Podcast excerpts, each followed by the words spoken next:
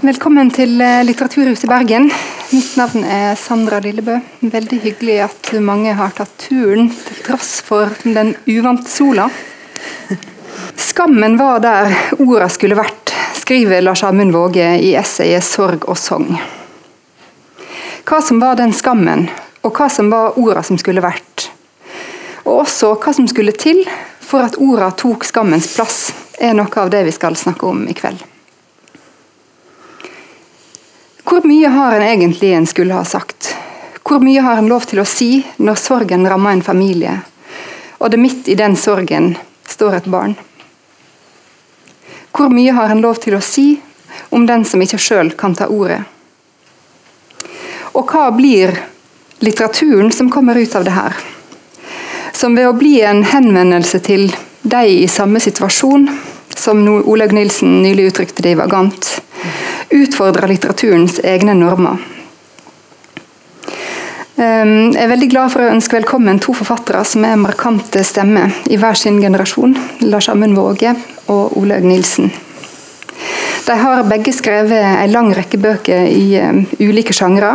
Og de har begge de siste åra markert seg både i litteraturen og i offentligheten for øvrig. Med innsikter i og erfaringer med autisme. Men også, takknemlig nok, med sin usikkerhet, sin angst og tvil.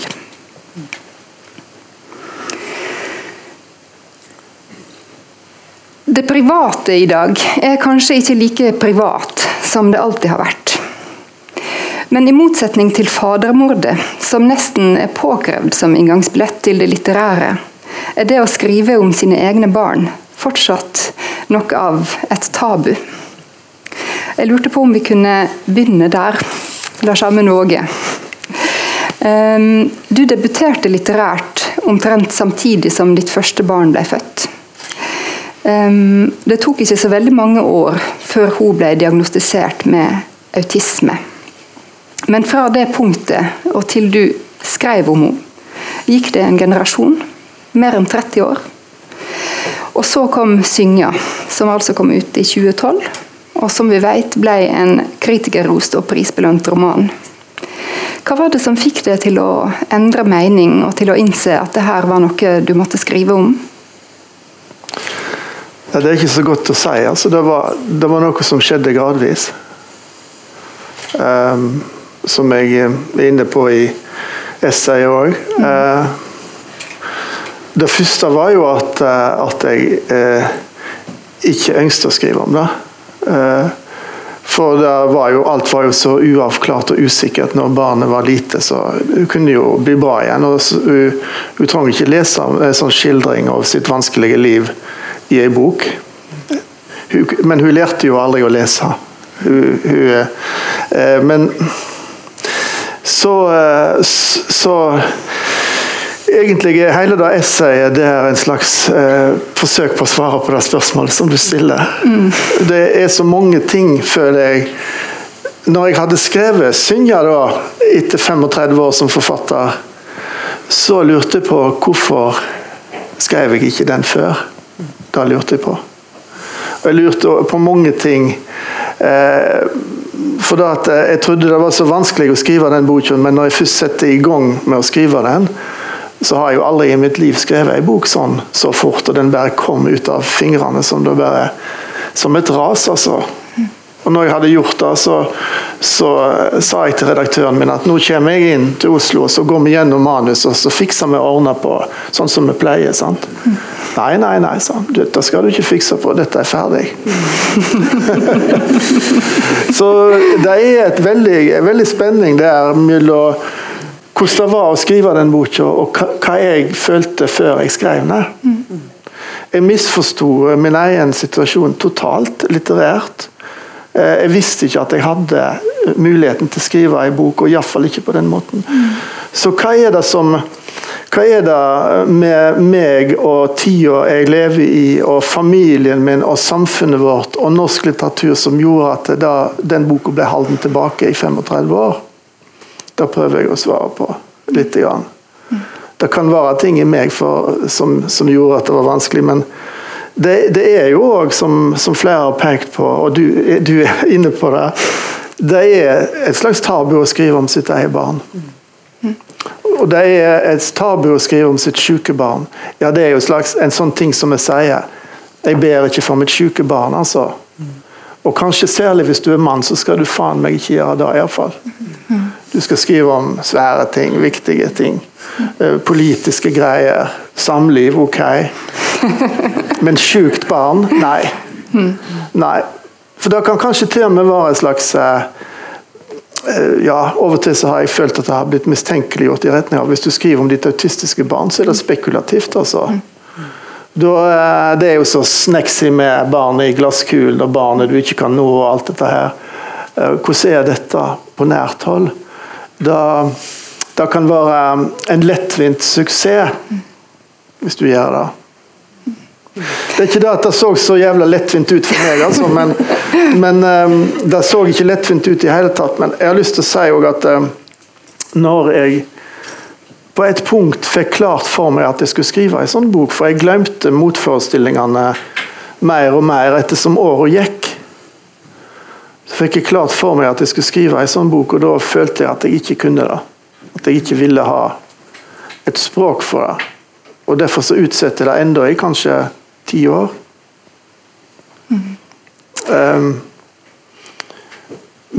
men så var det Så var det redaktøren min på Oktober, Geir Gulliksen, så, så sa jeg at han nå tror jeg jeg skal skrive en sånn bok. Ja, det syns jeg du skulle gjøre. Sånn. Ja, hvordan skal jeg skrive den? Da sa jeg litt sånn på tull. Bare rett på, sa han. Bare rett på problematikken. Og det gjorde jeg bare rett på. Det var på en måte slags forløsende. Mm. Um, ja. ja. Du skriver jo om eh, den eh, prosessen frem mot Synja. Eh, det er jo som du sier, det, det er hele den, om du tillater, eller det essayet her som heter 'Sorg og sang', som jeg nevnte innledningsvis, handler om den prosessen og om ditt forfatterskap og hvordan autismen på mange måter hadde allerede blitt fletta inn i forfatterskapet ditt tidligere, uten kanskje at du hadde tenkt over det akkurat på den måten. Eh, det skal vi snakke om, men jeg lurte kanskje på om du ville lese litt fra boka? Ja. Det er vanskelig å lese i noen få minutter for en bok som henger så sammen som denne her. Men jeg har valgt ut et avsnitt her midt i omtrent. Mm. Det at jeg ikke på så lang tid greide å skrive Synja, forsterker en tendens jeg har hatt til å se på bøkene mine i et for kritisk lys. Fraværet av Synja reduserte de andre bøkene mine i mitt eget indre. Synet mitt på dem ble delvis preget av mangelen av Synja. Mangelen av Synja tok for meg noe av byrgskapen over egen forfatterskap.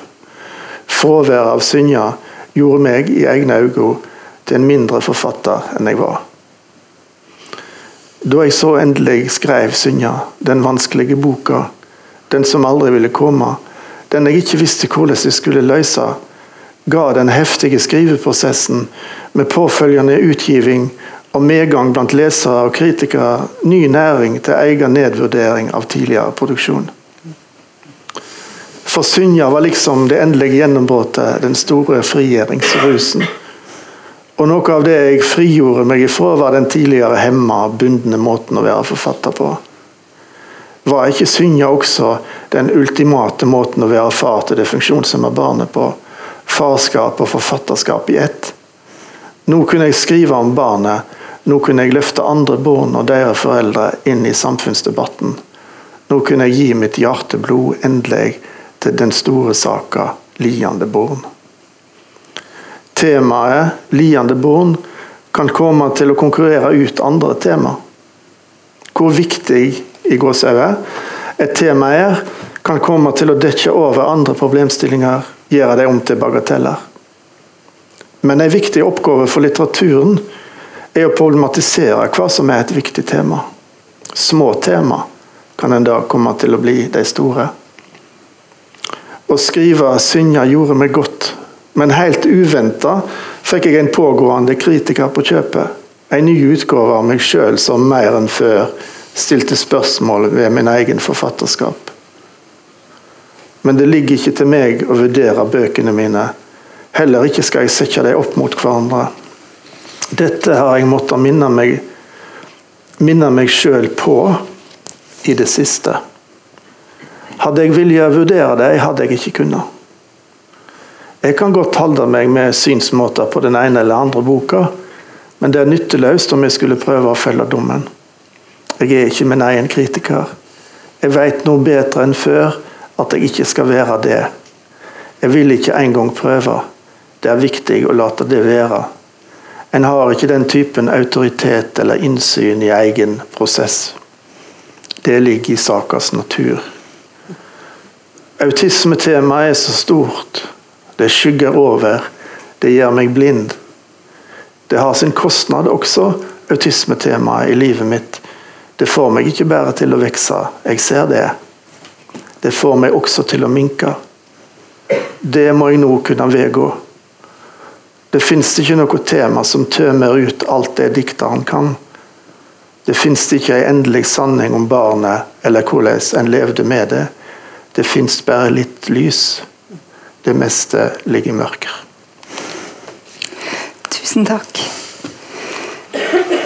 Um, ja, det meste ligger i mørket, sier du.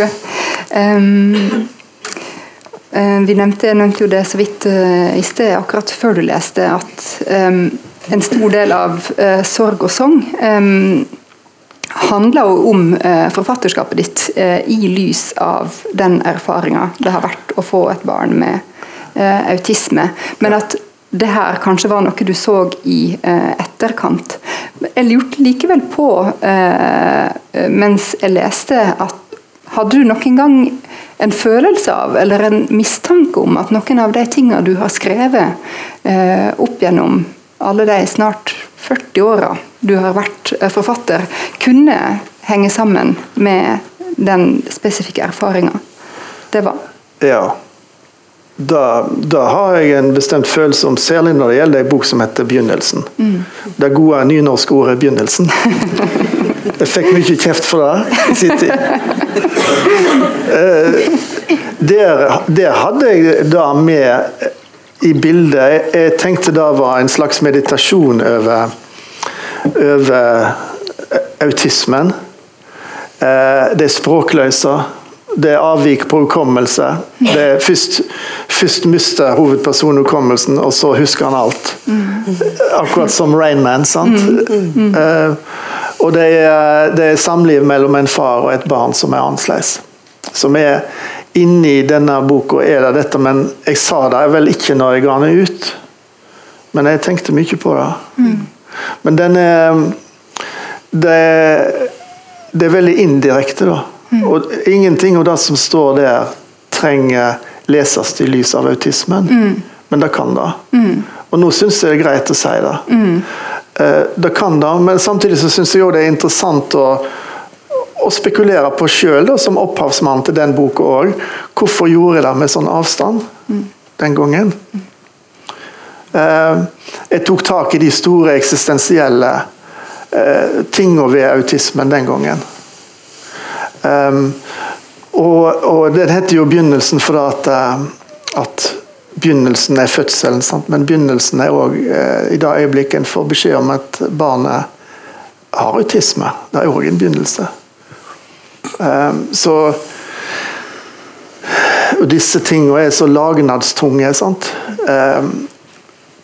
Barnet blir født, barnet er annerledes. Dermed er lagnaden til barnet og lagnaden til familien besegla. Um, dette disse hendelsene som bare ruller innover oss og definerer oss og merker oss for livet og styrer livet vårt. Eh, hvordan er det med oss inn i disse svære, lagnadstunge vendingene? Mm. Da prøver jeg å skrive om det i et uh, veldig knapt og poetisk og indirekte språk, kan du si. Du kan vel kanskje si at da, hvis jeg hadde brukt litt linjedeling og kappa opp eh, et par kapitler, så kunne det liksom vært en fem-seks diktsamlinger i stedet for en roman. men men seinere òg så har jeg skjønt innom autismetemaet, og jeg har tenkt på det når jeg skrev 'Kunsten å gå', f.eks., om den lamme gutten. Det er klart jeg tenkte på autismetemaet. Men jeg satt ikke der og skrev om autismen. Eller autismetema. Jeg bare var klar over at jeg skrev om et tema som likna på det. Og, og, den boka har mange motiv som belyser temaet sjukt barn fra forskjellige Vi ser det både fra barnets synsvinkel og fra mors og fars synsvinkel. Og fra den voksne. Eh, den gutten som ikke kunne gå, er voksen og ser tilbake på sitt liv. Eh, så jeg tror det er en type Jeg tror ikke at jeg hadde skrevet 'Kunsten å gå' hvis jeg ikke hadde hatt et autistisk barn. Nei. For Da hadde jeg ikke interessert meg for faren og, og det syke barnet. Mm. Og jeg hadde ikke interessert meg for, uh, for barnet sitt, sine språkproblem, f.eks. Mm. Ja. Men jeg har også lurt på dette her om, eh, om det kan ha vært uh, slik at den skjønnlitterære skrivinga for det på et vis også har vært som et friområde. Ja. Er det sånn? Ja, absolutt. altså. Ja. Absolutt. Ja. Det er et friområde. Um, da er det, altså. Uh, men uh, så Jeg har vel aldri kjent meg så fri som når jeg skrev 'Synja' som forfatter. Så da er òg mm. uh, Det er òg et moment i det. Det er også en frihet i det. Ja.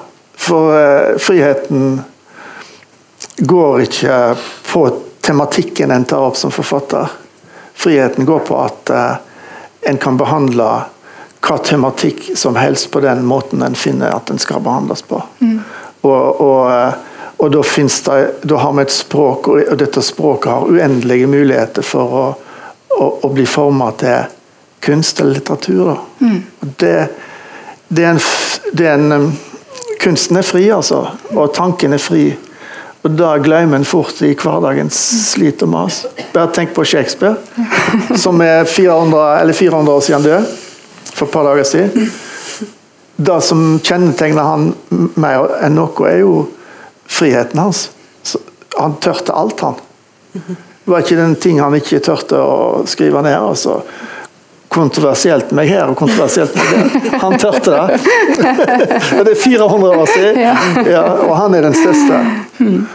Uh, ja. Mm. Um, Olaug Nilsen, for det var prosessen med autisme og skriving mm. noe annerledes enn for uh, Lars Amund, mm. på sett og vis. Uh, du er jo for det første omtrent like gammel som Lars Amunds datter. Mm. Eh, og Du var i ferd med å skrive intervjuboka 'Kjøkkenbenkerealisme', mm. da din eldste sønn eh, var under utredning for eh, autisme. Ja. Og Da skrev du litt om det, mm. selv om det var nokså tilbakeholden i forhold til hva du delte og hva du ikke delte. Mm.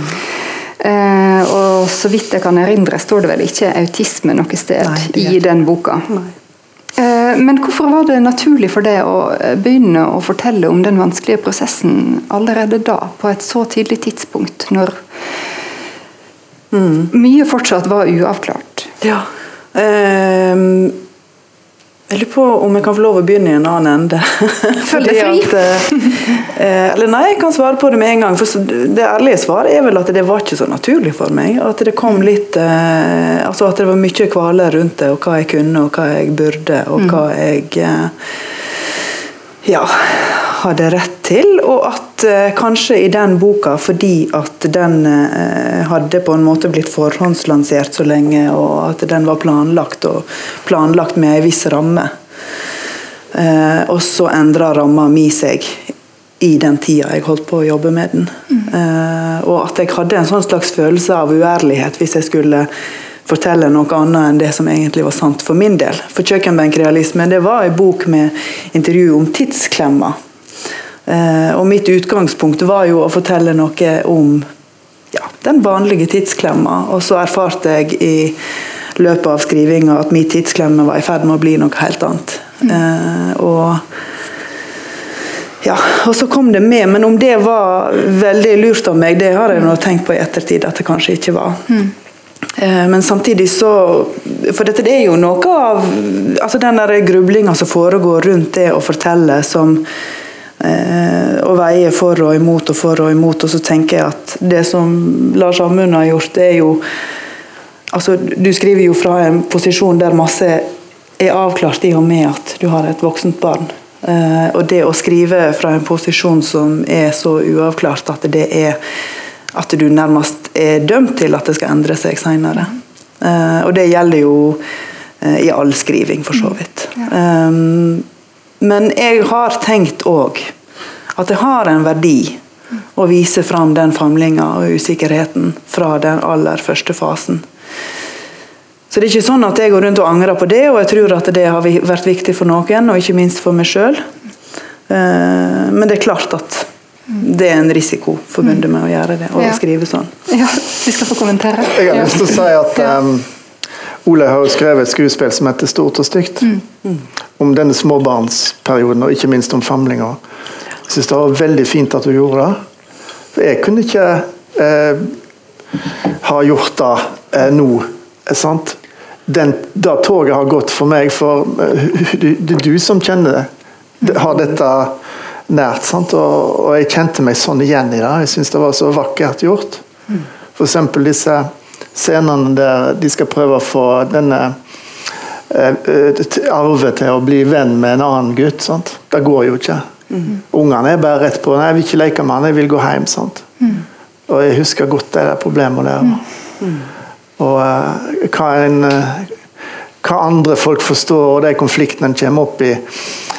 Uh, og fornekting og, og, alt sammen er Ja, veldig fint at du gjorde det. Ja, tusen takk. Veldig glad for at du sier det. Ja. Um, ja. Du skriver jo på en ny bok nå, mm. Olaug. Um, om det blir røpet tittelen, kan du jo velge sjøl, men mm. sånn jeg har uh, forstått prosjektet, så går det jo den gangen her enda tettere på mm. uh, din egen erfaring med det ja. å ha et barn med autisme.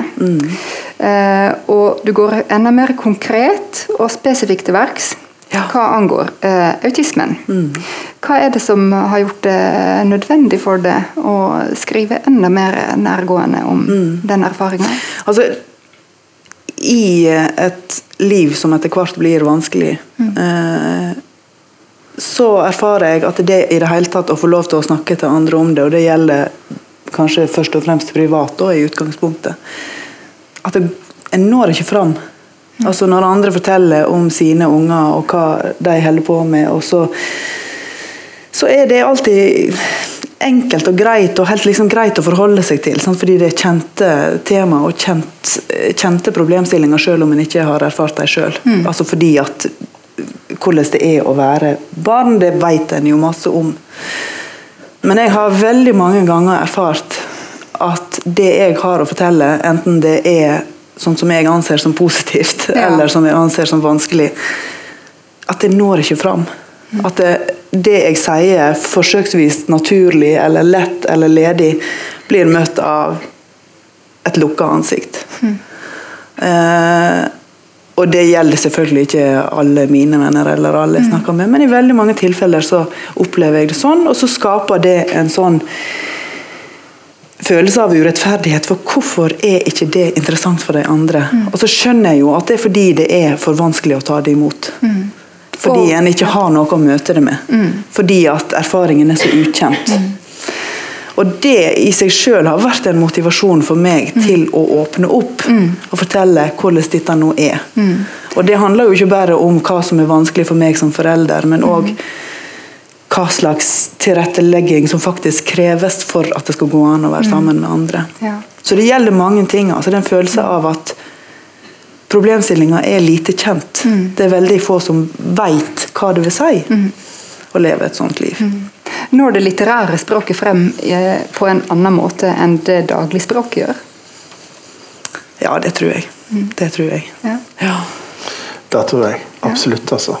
Da jeg kjenner meg godt igjen i det Olaug sier. Jeg forteller, ja, de forteller om sine barn, vennene våre. Sant? og de, de er nå ute i verden og de eh, tar utdanning, de tar til og med doktorgrader. Sant? Og dattera vår kan ikke knytte skoene engang. Så, så det blir så blir, Ja, og jeg tror det likner på det som de opplever som um, de som har vært ute i eh, krigen for Det er kanskje en fryktelig sammenlikning, men folk kommer hjem fra krigen eller kommer hjem fra et langt utenlandsopphold, bare da.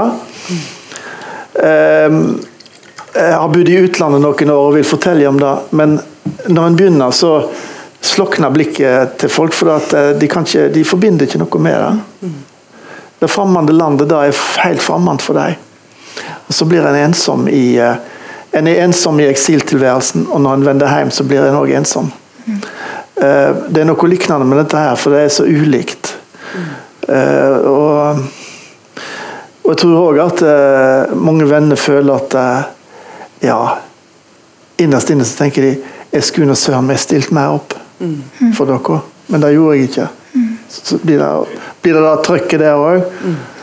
Du merker liksom hvor den dårlige samvittigheten tyter ut av dem med en gang du begynner å snakke om det. da er ja, da er, og det er ikke enkelt heller for, for oss som er pårørende. Har mye, jeg har mye eh, en god del bitterhet overfor en god del nære venner for at de ikke har stilt meg opp. Jeg må si det. Men jeg skjønner det òg. Og jeg hadde sikkert ikke stilt mer opp, jeg heller. Men likevel, altså. Det er, det er, ikke så mange som klarer å stille opp i sånne tilfeller. Og de som klarer det, de er spesielle. Og jeg tenker også at Det er så masse med det som, med erfaringen som er så komplekst og har, som, og har flere sider. Mm. Altså Det å forstå at en trenger hjelp for eksempel, med sitt eget barn. At en ikke klarer å være alene om omsorgen for sitt eget barn. Det er, det er en smertefull erfaring. Eh, og det å få lov til å bearbeide det, det tror jeg er viktig. Mm. Og at det er noe som fortjener en offentlig litterær bearbeiding. Fordi det, På den ene sida skjønner en det så inderlig godt at det er sånn det må være, men på den andre sida så er det smertefullt mm. å ikke klare det sjøl. Mm. Og se at barnet òg syns det er smertefullt. Ja. Jeg glemte, jeg glemte egentlig poenget mitt i stad. Poenget med å knytte meg til Ole og si at uh, disse blikkene som slukner og sånt, det opplever jeg ikke med Synja, altså. Den går rett inn mm. hos folk. Mm. Ja. Uh, og de ser uh, Da blir det et møte med problematikken og med, ja, med meg. Mm. Da klarer vi å møtes. Ja. Det fremmede da, landet blir forståelig? Ja, for det, det, det er ja, en slags hjertespråk, da. Mm. Og så er det også noe med at den strategien som en vanligvis altså, altså Som er den uttalte politikken som handler om integrering og at en skal eh, kjenne den typen barn og voksne gjennom f.eks. felles skolegang osv. Vi har jo valgt spesialskole, og så tenker jeg eh, Og det må vi, altså det er rett i vårt tilfelle, og det handler om skjerming. Men da gjør jeg det jo enda vanskeligere, det er jo mitt valg som forelder, men da gjør jeg det enda vanskeligere for andre å forstå, når en ikke kan møte barnet. Så, ja.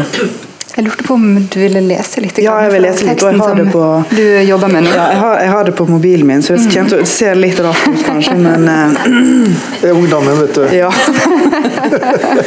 altså, nå har jeg jeg, har, eh, jeg må si en ting før jeg begynner å lese, og det er det at hvis jeg begynner å grine, så må dere bare tåle det.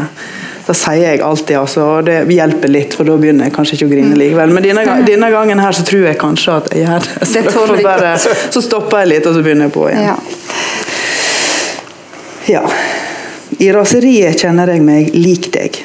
Dine utbrudd kommer så brått, og du kommer deg ofte ikke ut av dem uten hjelp, heller ikke alltid med hjelp. Hele kroppen spenner seg og lyser av intensitet. Du brøler, hyler, knurrer, biter deg fast i det du finner nærest. Jeg har lært meg å puste og komme ut av det. Men jeg har også lært meg å bruke raseriet der det trengs. Først og fremst i klagene og søknadene, i klar tale i møtene. Jeg formulerer forventninger og krav, sier rett ut hva som har vært forsømt, hvor sint det gjør meg. Jeg ser folk krympe seg rundt meg, svartne i blikket. Jeg kjører på, og det vil jeg skal stå i referatet. Men det nyttige raseriet har kommet etter din autisme. Det jeg hadde av sinne tidligere, resulterte aldri i iskald meistring. Det ga bare auka hjelpeløse. Jeg kan huske episoder som fikk meg til å føle meg krenka, Men raseriet som fulgte, fikk bare utløp i indre dialoger og baktaling sammen med andre med frynsete motstandskraft. Om jeg skulle prøve å ta igjen eller ta opp noe, så klarte jeg det ikke. Jeg seig i stedet sammen ved hvert minste motargument, og mista hver smule av autoritet jeg måtte ha. Men jeg tok jo også ofte feil. Krenkingene var som regel bare bagateller, situasjoner som jeg i dag tenker var helt urimelige å bry seg med. Og jeg tar fremdeles feil. Jeg mistolker og misforstår i alle slags sammenhenger. Og når det gjelder din tilstand, setter jeg sammen forklaringer basert på et sammensurium av prøveresultat og anekdoter fra internett. Prøver meg fram i blinde mens hjelpeapparatet følger halvhjerta med i bakgrunnen. De veit det jo. Du har autisme. Det er ei gåte, men det har skjedd før. Jeg har ikke autisme.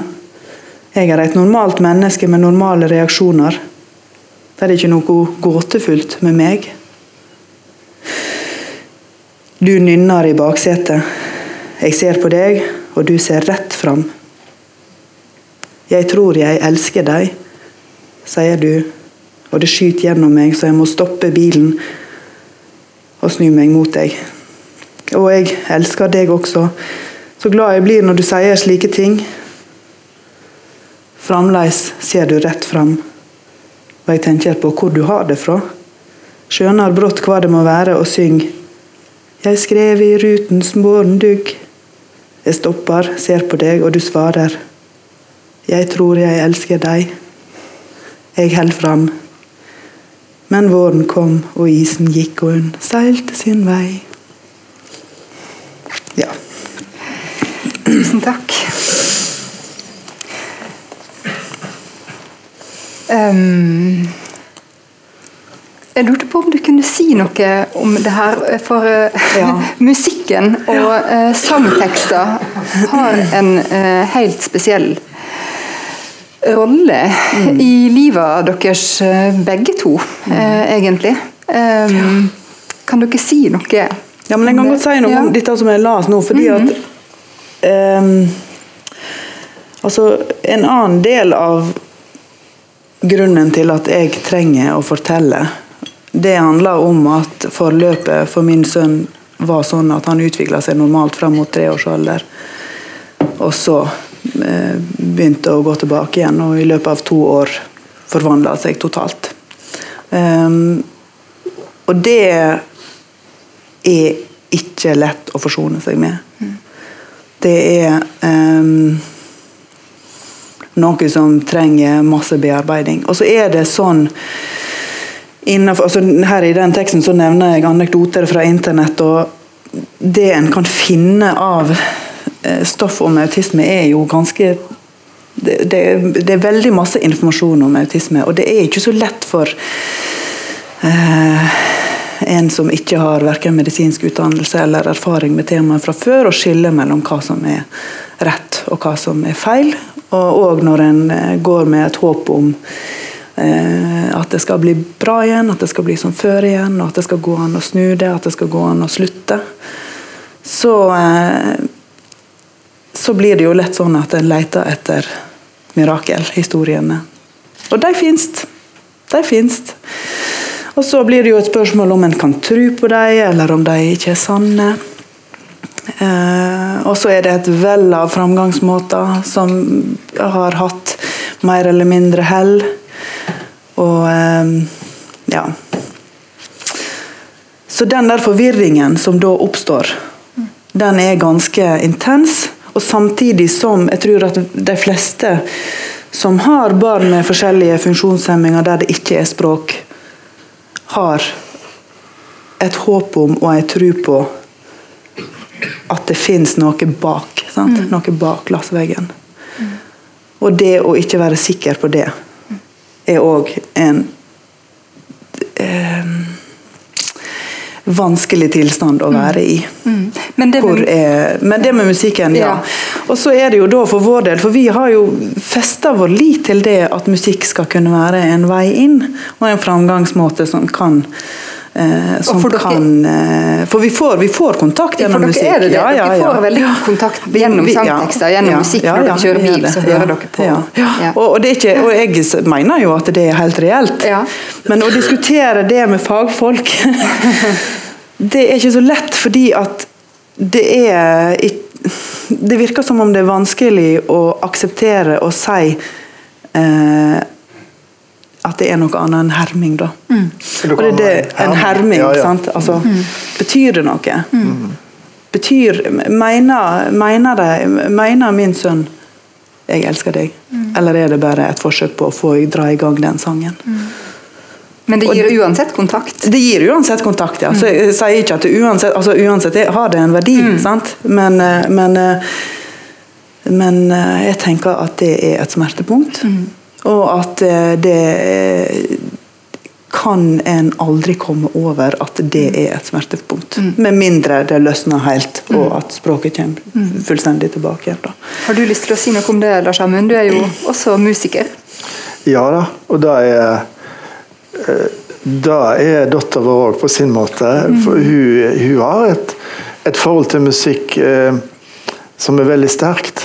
Eh, eh, hun kan ikke synge, nesten ikke iallfall. Hun, hun kan noen, I noen optimale situasjoner så har hun sunget noen linjer.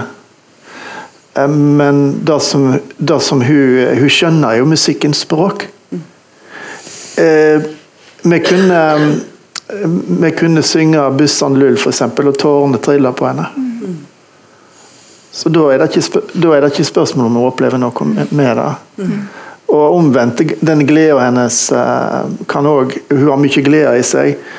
Og eh, vil gjerne bevege seg til musikk, og vil gjerne le og hoppe når hun hører f.eks. Simon Garfunkel. Sist du var på besøk, så spilte vi Simon Garfunkel. Du kjenner den der 'Still Crazy After All These Years'. Og så hoppa jeg og hun rundt på stovegulvet. Da, da um, Det er gode stunder, for det, det, er, det, er så, det, det er så normalt oppi, oppi hennes veldig sterke funksjonshemming. På mange måter veldig sterkt funksjonshemma. Men dette er en kanal inn, altså. Men vi har aldri klart å få til en, en musikkterapi som har fungert. Og da, da er tungt å tenke på. Da har vi stadig eh, eh, Ja, i bakhodet at nå må vi søren meg prøve en gang til å få til en uh, Se om jeg kan finne en person som kan uh, hjelpe henne. Um, men, og det som vi òg ser med musikkinteressen hennes Vi har jo alltid sunget til henne. Um, og og dette skriver jeg litt om òg i boka der, når, når uh, Hvis en synger Eller Hvis hun synger en barnesang, og så stopper en midt i ei linje, så kan hun alltid det neste, året. Alltid, altså. Ikke bare barnesanger. Voksne sanger òg.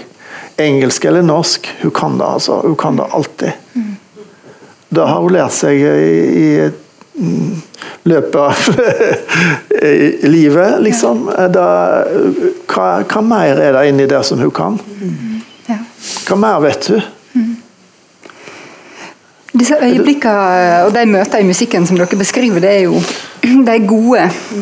De gode øyeblikkene, de beste øyeblikkene, kanskje noen av dem. Um, det finnes eh, vanskeligere ting um, som dere har skrevet om, begge to, som dere skriver om. Uh, Olaug, eh, for en tid tilbake så intervjuet jeg deg for Morgenbladet, og da sa du at ditt største mareritt var at eh, sønnen din en dag skulle få språket tilbake og si hvordan kunne du skrive sånn om meg? Ja. Er det noe du fortsatt tenker på Ja, når du ja, skriver det, nå? Altså, ja, jeg gjør jo det. Og, og hvis jeg skulle gi opp altså, Men det jeg isteden må tenke, er at eh, da kan han se hvor opptatt jeg var av han da. Altså hvor, hvor, sterke, hvor sterkt jeg ønsket at det skulle gå bra, og at det skulle endre seg. Eh, men det er klart at jeg tenker på det, fordi at eh, jeg tar eh, altså Det er jo det samme som du innleder med, altså at en tar seg jo til rette i en annen person sitt liv. Eh, og, eh, og det Ja. Det er ikke noe som jeg tar lett på i det hele tatt. Men sånn som det har blitt for meg, så tenker jeg at det å få en åpenhet rundt både det som er godt og det som, som er gale med et sånt liv, da, både for den det gjelder og for de pårørende, mm. det tror jeg er til det gode for oss alle. Altså, mm. For å kunne klare å være en nærmere del av samfunnet. Mm. Så sånn har jeg vekta det. Mm. Men det kommer, jeg tror ikke den kloa kommer til å slippe taket. Har den sluppet taket i det? Ja. Den har det, altså. Eh, eh men jeg kjenner den godt igjen fra ja. før. Mm. Men eh, Gunhild er 38 år, altså. Hun kommer aldri til å kunne lese ei bok. Mm. Men også, jeg har òg lyst til å si det der med usikkerhet og faglighet og sånn. Hva vet en om disse tilstandene? Det er klart det er sånn at det er mange ting en ikke vet her. Fagfolka vet ikke engang. Og det er, det er noe det som gjør det vanskelig å være pårørende. At vi, vi, vet ikke hva som er best for barnet, men vi, vi vil så gjerne gjøre dette beste for barnet. Men hva faen er det, altså? Den, den, en kan nesten gå tom inn i den der. Men øh, øh, Ja. Nei, jeg tror ikke Gunhild kommer til å lese mine bøker, mm. men øh, jeg tror at hvis din sønn leser f.eks. Stort og stygt, så vil han se en stor kjærlighet der. Mm. Da kan du ta helt med ro. det er jo noe spesielt eh, også eh, i det eh, å eh, få Når man er forfatter, og eh, selvfølgelig spesielt for alle, men også kanskje særlig da, eh, som dere for forfattere som jobber med språk og for barn som ikke kan uttrykke seg språklig på den samme måten som eh, de fleste andre. Eh, har det påvirka deres syn på forfatterrollen eller forfatteryrket? På håndverket på noen måte? Eh, altså Det vet jeg jo iallfall at du har masse som du kan svare på. Men en ting som jeg, som jeg har tenkt en del på, er i møte med de her sangstrofene som dukker opp. Mm. Det er jo at Eh, litteraturvitenskapen har jo vært en god kunnskap å ha med seg for meg inn i det. da. Eh, På hvilken måte? Altså, Forklar til oss ikke-litteraturen. Ja, altså At jeg er Jeg tenker at jeg er på utkikk etter det poetiske da, mm. i det som, som, sønnen min sier. Mm. Eh, og før språket hadde forsvunnet helt, så var det, uh, så var det en gang at han eh, satt i baksetet og sa at der er det bilder av mamma. Og så, Da sto vi utenfor en bensinstasjon, og mannen min var inne og kjøpte boller, helt sikkert, regner jeg med. Og så, og så ble jo jeg paranoid og tenkte at det er sikkert bilder av meg på avisframsida. Og nei og nei. Så spurte jeg hvor er det bildet Hvor er det bildet av mamma. Nei, det er på, Så sa de lenge og strevde med å formulere setningen. Og så var det nei, det er bilde på, på øret til bilen. og så er jo det altså, Jeg tror nok det at det kan en kjenne igjen fra unger som lærer seg å snakke. Mm. For hans del så var jo det mens språket holdt på å smuldre opp. Mm. Altså, men altså at en leter etter, og at han da finner et bilde istedenfor en eh, Og så gjelder det òg måten han bruker sangstrofene på, for han har f.eks. Eh, en gang tatt av med solbrillene og sagt 'øynene lukket, se på meg, mamma'. Mm. Som er da eh, et utdrag fra en sang av eh, Lars Vaular mm. og Sondre Lerche. Mm. Og når han da tar av meg solbrillene og sier det, så tenker jeg at det ligger ganske masse altså Det er mange muligheter for meg å tolke det. sant? Mm. Eh, for det kan jo For da er det jo Da tenker jeg at det er umulig å bare henge det på en herming. Da vil han jo si meg noe, for han tar jo av meg brillene. Mm. Altså At det er forskjell på å ha brillene på, solbrillene som, mm. som skjuler øynene, og å ha blikket åpent. Men mm. for meg så blir det jo òg en sånn følelse av en beskjed fra du ser, Det er noe du ikke ser. Sant? Mm. Det er noe du ikke ser, mamma. Jeg tror ikke at disse kloke fagfolk som skal bare få lov å si at det er herming hele tida. Jeg tror vi skal tolke, altså. Og da, da gjør vi. Vi tolker, og vi tolker kanskje velvillig òg. Mm. Men det er viktig for å være far i et sånt tilfelle. At en uh, bruker det en har. Fagfolk vet ikke hva som foregår inni autistene, de heller. Mm. Ikke engang i vårt tilfelle så har de klart å påvise en eneste liten uh, avvikende ting i hjernen. De, de, vet ikke hva som er herming, og hva som ikke er herming. altså. Uh, og, og, og, ja, da vet vi som forfattere òg at, at da det er ikke bare snakk om kunnskap eller analyse eller teori. Det er snakk om helt, et helt system av hele det spekter av egenskaper som mennesker har. Hvis en skal skrive bra litteratur, så må en bruke alt en har. Følelser, kunnskap, erfaringer. Og det samme når en står overfor autistene, som har så lite språk, verbalt språk vel å merke. De har jo annet språk. De, har, de er uttrykksfulle. Så man bruker de antennene nå en gang har fått. Mm. Ikke la seg dupere av uh, rasjonalistiske leger og sånne folk. Uh, men uh, ja. det er, det er slett ikke alle fagfolk som er sånn rasjonalistiske heller. Jeg har ikke lyst til å være urettferdig mot våre flotte fagfolk. Nå har datteren vår akkurat fått en ny, veldig flink og spennende lege. Så det skal bli eh, artig å se hva han finner på. um, nå er jeg jo fortsatt usikker på hva slags sjangerbetegnelse som kommer til å stå på ja, det, uh, din bok. Ja, jeg er sikker på det òg. Ja. Men i utgangspunktet så er dere jo begge skjønnlitterære forfattere. Så å, å synge en roman ja. Du har bearbeida stoffet litterært. slik at det er ikke noe én-til-én-forhold mellom det du skriver i boka eh, og dine erfaringer og din, din datters erfaringer. Um, hvorfor er det viktig å bearbeide stoffet uh, på den måten? Altså, er det først og fremst for å beskytte barna, eller er det først og fremst for at det skal bli effektivt? Ja, Det er begge deler. Jeg vil gjerne bearbeide for å beskytte barnet, men jeg trenger egentlig ikke tenke på det, for jeg, bearbeider alltid uansett. Mm. Det er min metode. Det likner, det likner jo. Eh, men folk tror, folk tror det er mye mer likt enn det egentlig er. For alt, ingenting av det som står i Synja har skjedd med oss, nesten. Mm. I, og ingen av de situasjonene der faren møter barnet, mm. er en bestemt situasjon som har skjedd. Mm. Jeg har dikta de opp alle sammen. Ja. Uh, og Det trenger jeg å gjøre for å få til å skrive en roman. Når, jeg, når jeg kommer skikkelig i gang, så, så tenker jeg aldri på hva som har skjedd og ikke skjedd i våre liv. Jeg tenker bare på romanuniverset. Mm. Og, og, når jeg klarer å kutte ut helt, glemme helt hva som har skjedd med oss, så er jeg i gang for alvor. For da, Det som tilfeldigvis har skjedd, det passer jo ikke alltid. Hvis du bare skulle skrive ned det, så vil jo ikke det bli noen roman. altså. Du må kna det. Jeg må iallfall kna det, endre det og skape det om. Mm.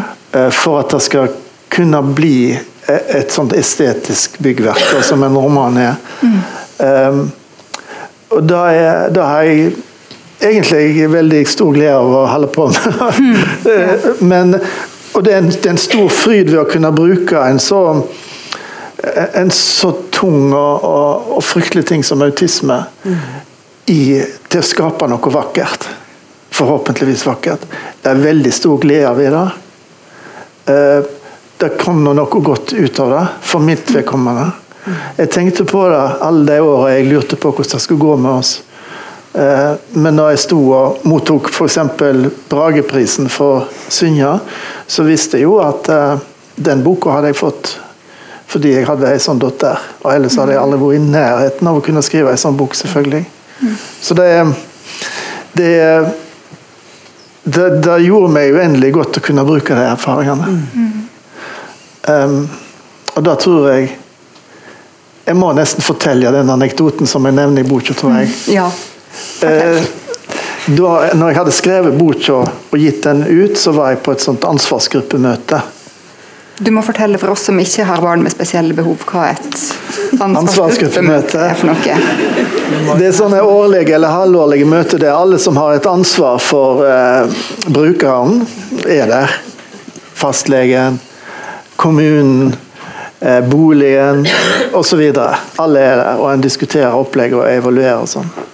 Det var et sånt møte, boka var kommet ut, og det hadde vært ganske store intervju med meg i, i, eh, alle de store avisene. Eh, og jeg var veldig spent, for det var første gangen jeg hadde skrevet om dette offentlig, og jeg behandla jo hjelpeapparatet òg. Hva, hva syns disse folk om dette? Men de nevnte ikke boka med et eneste ord, noen av de. Og så eh, eh, Men jeg satt som på nåler under hele møtet. så, så gikk jeg opp til Gunhild, som bodde Det var like ved. Og da er jo sånn at hun eh, De vegrer seg ofte mot kroppskontakt, og sånn som med henne har hun òg alltid gjort det. Hun sitter nesten aldri på fanget mitt, f.eks. Bare et lite øyeblikk. Sånn rett ned og så rett opp. Men denne dagen så var den første gang jeg traff henne. Hun som jo kom med boka. Så kom hun altså og satte seg på fanget mitt og satt der og halvt rundt meg. sånn. Lenge, altså. Det har hun aldri gjort, verken før eller senere. Og jeg kunne ikke Jeg tolka i vei, sant. Ja. Det, det er hennes kommentar.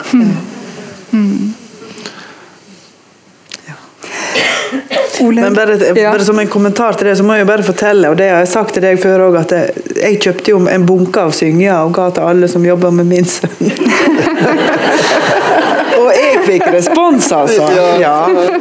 Det var jeg glad for, og vi hadde Det var stor interesse for det, altså. Men det jo, altså, jeg skjønner jo at det er noe annet, men men det kan ja. Um, jeg lurer på, Snakker dere noe med barna deres om det dere skriver? Nei. Nei. Hva med andre familiemedlem? Eh, Tar de del i skriveprosessen på en annen måte enn eh, hva angår de øvrige bøkene deres? Altså eh, min, min mann leser gjennom og er ofte uenig i og, får, og har noe han skulle ha sagt. Det har han jo, selvfølgelig. Det skulle bare mangle. Eh, og det har ikke Vi har nok vært litt uenige om i hva slags grad eh, det er viktig å være eh, offentlig, og hvordan det vil påvirke vår familie at jeg skal være det. Um, men ettersom, ettersom tida har gått og eh, han har sett eh, hva slags type reaksjoner som har kommet, da, og, og hva slags type eh, ting jeg har skrevet, og, ikke, og det gjelder ikke minst leserinnlegg og sånne ting, da, altså sånn, Ja. mer sånn politisk, at da har han satt mer og mer pris på det og vært mer og mer glad for det. Da. Og jeg husker etter at eh, eh, etter at jeg hadde skrevet et innlegg om eh, avlastning etter, eh, som svar på en kommentar om brukerstyrt personlig assistanse. Ja, dette blir, jeg trenger ikke å gå inn i detaljene, det, men i hvert fall da eh, sa han ja, det er godt vi har deg.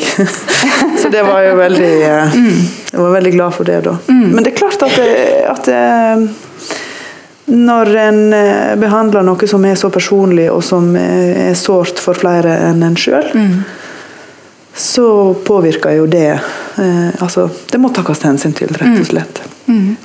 Er det sånn for det også? Ja. Ehm, jeg er jo gift med en forfatter som heter Hanne, og sitter der. Eh, vi- leser alltid manuset til hverandre. Og Det har blitt veldig viktig for oss gjennom åra. Og så, Det har ikke vært noe annerledes tilnærming sånn sett med disse, men det som har vært annerledes, er at jeg har, har vist manuset til de to bøkene her, både 'Synja' og 'Sorg og sang', har jeg jo vist til Gunhilds mor. Og eh, hun har lest de før de kom ut. Og, og hun uh, Det syns jeg var veldig viktig. Mm. At hun ikke skal føle seg tråkka på eller framstilt. Eller Folk tenker jo sitt. Så jeg har, jeg har Denne mora i, i um, Synja har jeg jo lagt veldig langt fra Uh, det- kan si min forhenværende. da. Altså den, og den kjærlighetshistorien, nå kan jeg jo si det som det er, den er jo veldig annerledes, alt det Mm. Det er veldig annerledes. Og det var viktig å gjøre, for da, det har en sånn frigjørende effekt, syns jeg. Det er ikke noe skittentøyvask, dette her. Og jeg ville, ville ikke ha noe sånn svær ekteskapskrangel oppi Synja, f.eks. Men nok i det. Eh, jeg viste det til henne, og hun støtta det. Og var glad for det. Det, det betyr jo mye. Mm. alt, alt sånt som har med autisme å gjøre, og alle mine utspill i den forbindelse, snakker vi om. Det gjør vi, altså. Og da, da er vel ja, I hele tatt så har vi klart å holde et, et godt vennskap rundt, rundt barnet. da. Så det er jeg veldig glad for, ja. Noe å lære for enhver. Ja. Em, tida flyr altfor fort. Eh, Jeg har eh, 120 spørsmål igjen. Eh, Det får bli ved en annen anledning. Em, Debatten, eller diskusjonen, samtalen, eh, skal så absolutt eh, fortsette. Em, Tusen takk for at dere ville komme hit i dag, og tusen takk til alle som kom og hørte på.